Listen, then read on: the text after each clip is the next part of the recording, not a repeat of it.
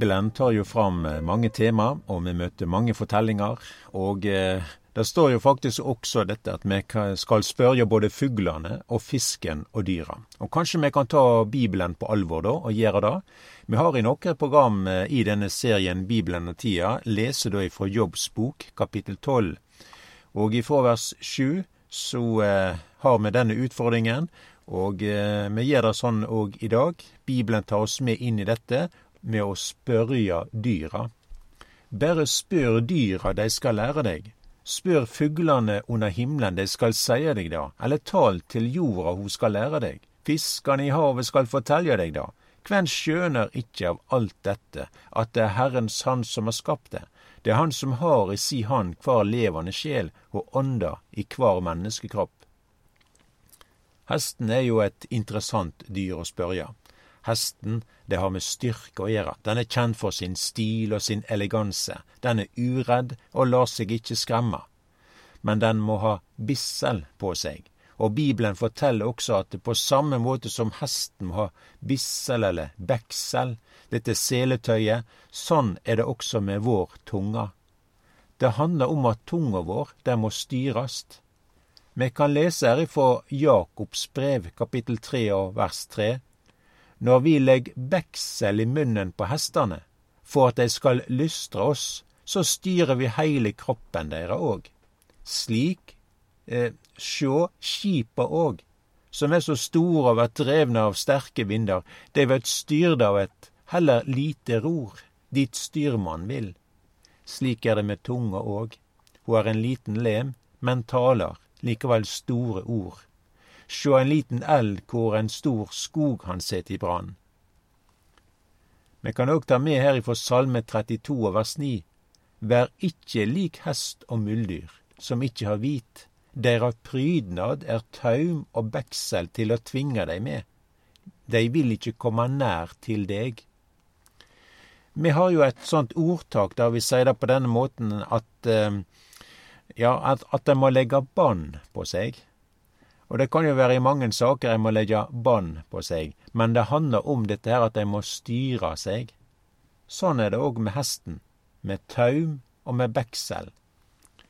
Ei anna sak som òg eh, eh, Bibelen tar fram nå, det er dette med tanken vår. Altså, vi må styre tankene våre.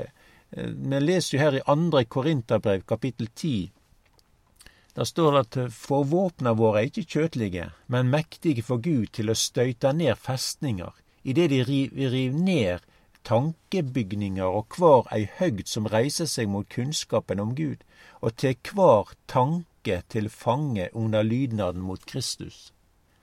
Kanskje det er òg andre ting vi må ta til fange enn bare tanken.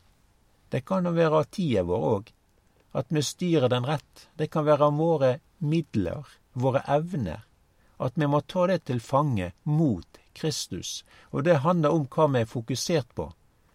Vi må være fokuserte i heile vår hverdag på Jesus. Om vi ikke har dette fokus, så er det lett at impulser og trendene i tide og alt dette her, ja, andre kjøtlige ting eh, ikring oss, at det er det som styrer oss, at vi mister fokusen. Om vi ikke tar tanken til fange, eller tida vår til fange, midlene våre, til fange mot Kristus, så kan vi lett være lik denne verden, eller vi vert lunkne kristne.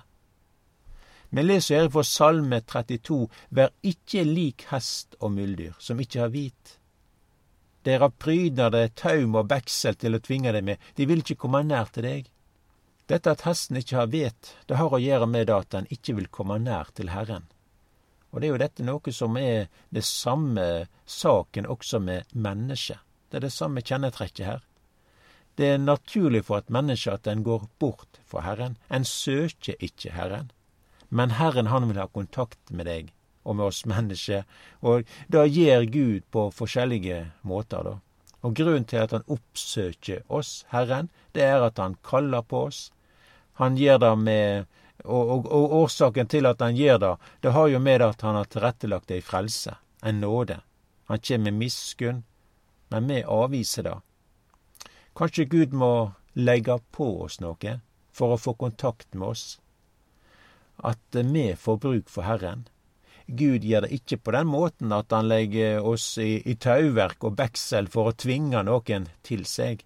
Men kanskje det er noe med omstendighetene som gjør at eh, mennesket til sist søker Herren.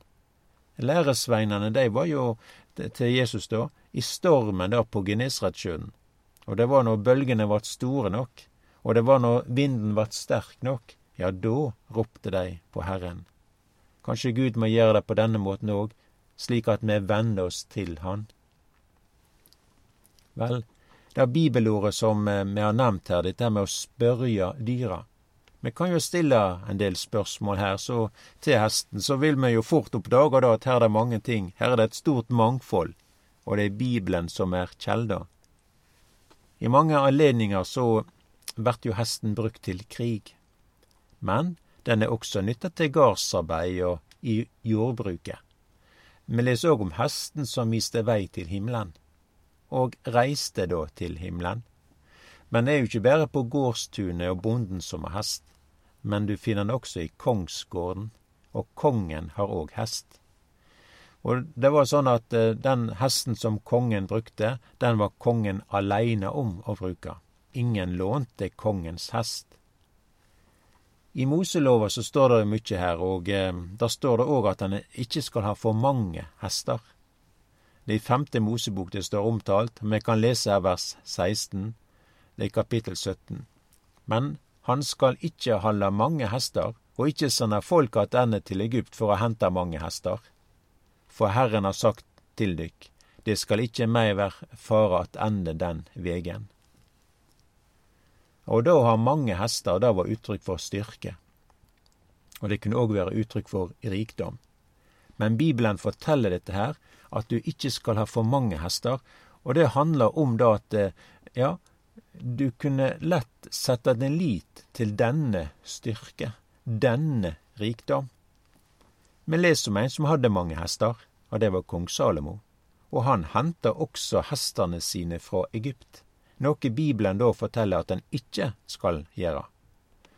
Men eh, Salomo han hadde mange hester, og han hadde mange staller. Og der i første kongebok så er det oppgitt at han har jo nærmere 40 000 stallrom. Og han har 12 000 hestfolk.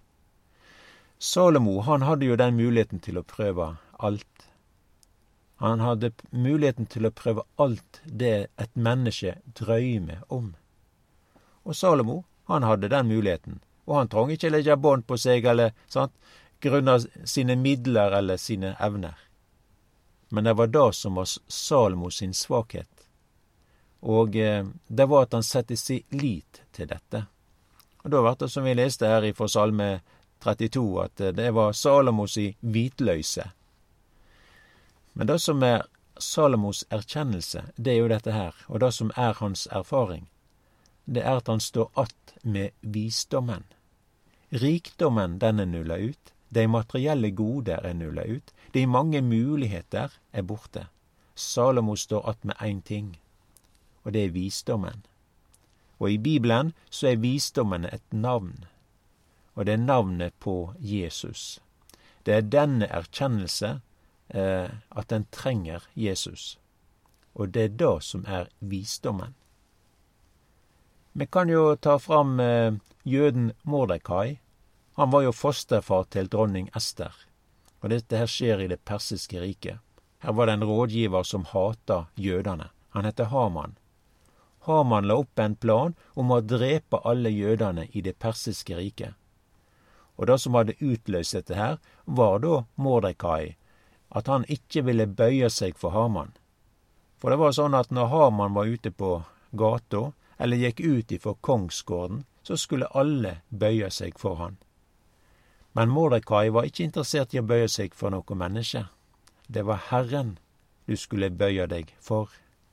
Og Dette da utløste da et veldig sinne hjå Haman, og alle jødene der i det persiske riket ble dødsdømt. Men Herren han er, har det alltid på den måten at han er i forkant av begivenhetene, og han verner om sitt folk, som sin egen augnestein. Og Mordekai han hadde tidligere en gang da avverga et statskupp da i det persiske riket. Og kongen hadde ikke gjeve da uttrykk for sin takknemlighet over dette. Og så er det da på denne måten her at kongen spør da korleis han bør gjøre. Korleis bør han ære den som har gjort en slik handling. Og i den sammenhengen så ble da Haman spurt. Og det skjer da på samme dagen som Haman sjøl hadde tenkt å ta livet av Mordekai. Og da kongen spør korleis kongen bør ære en hedersmann, så tenkte Haman at det er han sjøl han tenkte på. Så legg da han eh, breisida til, og Haman forteller da korleis han bør gjøre dette her. Og da er det å finne fram den kongelige klednaden, sette på vedkommende den kongelige kruna på hovedet, og at vedkommende må få ri på den kongelige hesten, og ri gjennom byens gater, samtidig gjøre kjent hva som er årsaken til nettopp dette. Og Haman fikk da denne oppgava å gjøre dette, og ære jøden Mordekai. Dette leser du i Esters bok. Ei anna sak som vi òg kan legge merke til, der hesten er omtalt, er jo det som vi leser om i, eh, i profeten Jesajas boke, kapittel 66, og det er disse da som kjem til Jerusalem.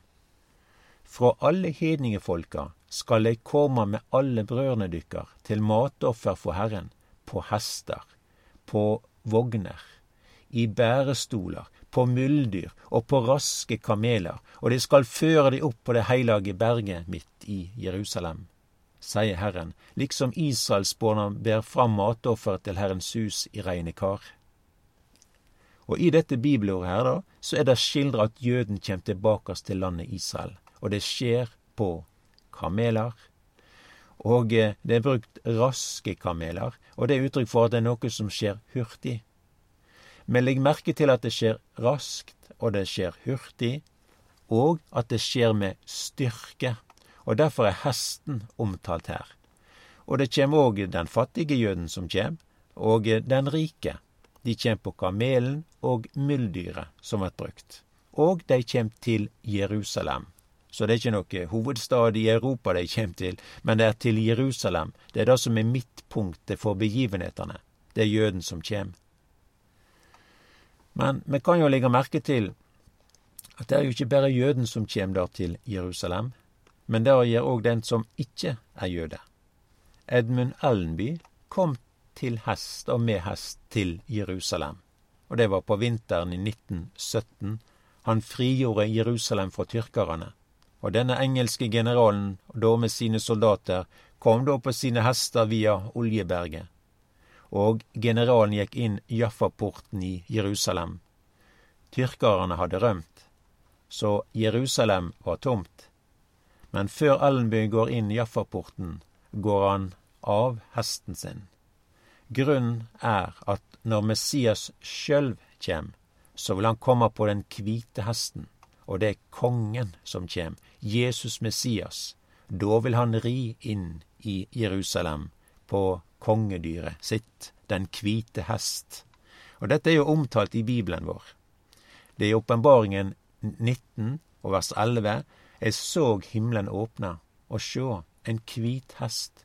Og han som set på den, heter trufast og sannferdig. Han dømmer og strider med rettferd. Augo hans er som eldslåge. På hovedet hans er det mange kroner. Han har ei innskrift med et navn som ingen kjenner uten han, han sjølv. Han har en klednad, og, og han er kledd i en klednad som er dyppa i blod, og navnet hans er Guds ord.